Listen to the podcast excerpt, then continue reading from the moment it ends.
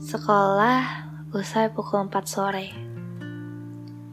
Seperti hal yang biasa untuk murid kelas 9 atau 3 SMP. Sudah jarang melihat reka matahari jam 12. Karena kerasnya kita mengejar nilai yang memuaskan. Selesai sekolah pun tak semuanya langsung pulang ada yang ingin melepaskan penat dengan jajan, atau melepaskan penat dengan bermain. Tak masalah bagiku untuk tinggal lebih lama di tempat itu. Meningnya diriku dikarenakan kekhawatiran dengan rasa lelah bercampur dengan rasa penasaran. Entah apa yang ingin ku ketahui, tapi Kurasa aku belum sepenuhnya mengenal dia. Dekat secara fisik tak membuat kita dekat secara batin. Melihatmu bermain saja membuatku lelah. Keinginanku untuk pulang ke rumah dan bersantai pun bergejolak. Namun, rasaku ingin menemani teman-temanku yang belum dijemput pun juga sangat tinggi rasa tak ingin tertinggal dan meninggalkan adalah hal yang paling tak kusuka. Entah karena tak mau terulang atau ketakutan semata. Menunggu hingga sekitar pukul 5 sore. Hampir semua murid sudah bergegas pulang. Aku pun juga bergegas pulang. Rumah dekat dengan sekolah sehingga keinginanku untuk berhemat pun ada. Kusimpan uang sakuku dan aku berjalan kaki untuk pulang. Tak kusangka, dia juga ikut menemani. Katanya sih, rumah dia juga dekat. Dan tak kusangka rumahnya dan rumahku memang cukup dekat. Rasanya aku hanya ingin diam saja. Entah rasa malu atau gugup, aku tak tahu. Yang pasti aku takut melihatnya. Tapi karena memang pada dasarnya kita sudah dekat, jadi ku coba untuk terlihat netral, tak berperasaan.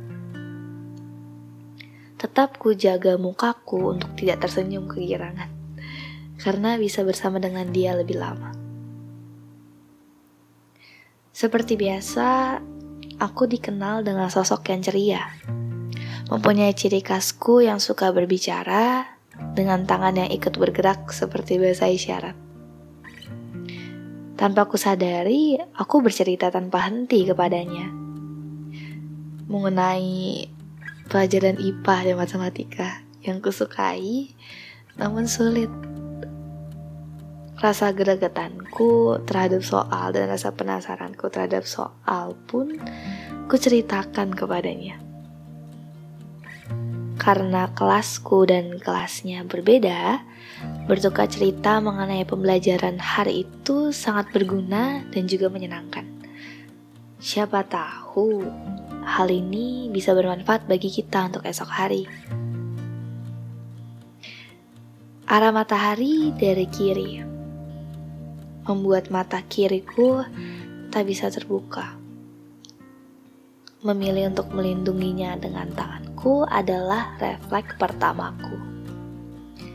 Namun, tanpa kusadari, refleksku dan refleksnya berbeda. Refleks pertamanya adalah bertukar tempat denganku agar dia yang terkena sinar matahari itu dan bukan aku. Dan kebetulan dia jauh lebih tinggi dari aku. Terkejut oleh tingkahnya, namun senang karena kepekaannya. Dengan refleks, ku ucapkan terima kasih kepadanya. Dan tentu ia menjawab dengan lembut, Iya, gak apa-apa. Gue sengaja kok. untuk menutupi rasa girangku, kulanjutkan bercerita dengan hadapan ke depan karena tak kuasa aku melihat matanya. Yang ada nanti aku salting. Entah itu refleksnya atau memang sengaja, pada saat ku bercerita, dipindahkannya rambutku yang menghalangi mukaku ke telingaku. Dengan tujuan agar ia bisa melihat mukaku dengan lebih jelas. Ditambah dengan tangannya yang masih berusaha menutupi mukaku dari silaunya sinar matahari. Banyak hal yang terjadi dengan tangannya membuat hatiku seperti berhenti berdetak berhenti seketika, tak bisa bernapas.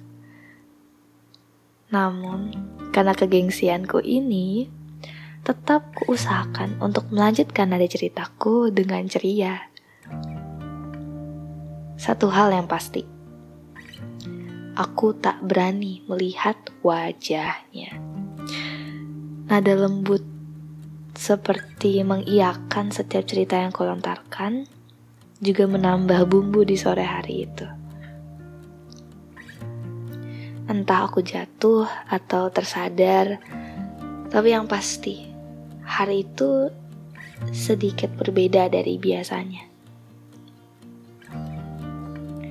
Sekarang matahari kelas 3 SMP sudah terbenam.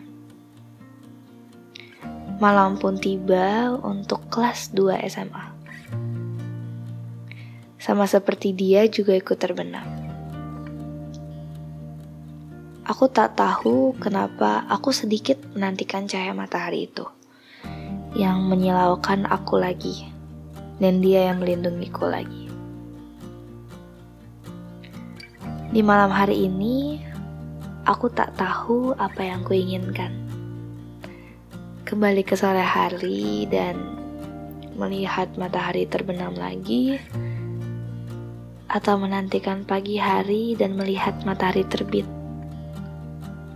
Entahlah, namun aku tak mau berharap. Karena dia sudah tidak ada di sana. Padahal aku yang memutuskan untuk berganti ke malam hari. Padahal aku bisa saja membekukan waktu dan membiarkannya sore terus. Tak apa, hidup harus terus berjalan. Seperti matahari yang terus berevolusi dengan bumi, dan bumi yang terus berotasi. Kalau-kalau berhenti, bisa saja isinya mati. Sama seperti hidup, aku memilih untuk terus berjalan karena aku takut mati dari dalam. Apa pun itu di pagi hari, aku percaya bahwa hal itu adalah hal yang kuperlukan. Karena yang Maha Kuasa tahu isi hatiku tanpa aku harus mengucapkan satu kata pun. Sekarang aku hanya bisa menantikan pagi hari yang bisa saja lebih indah tanpa dia di sana. Karena dia ikut terbenam dengan matahari.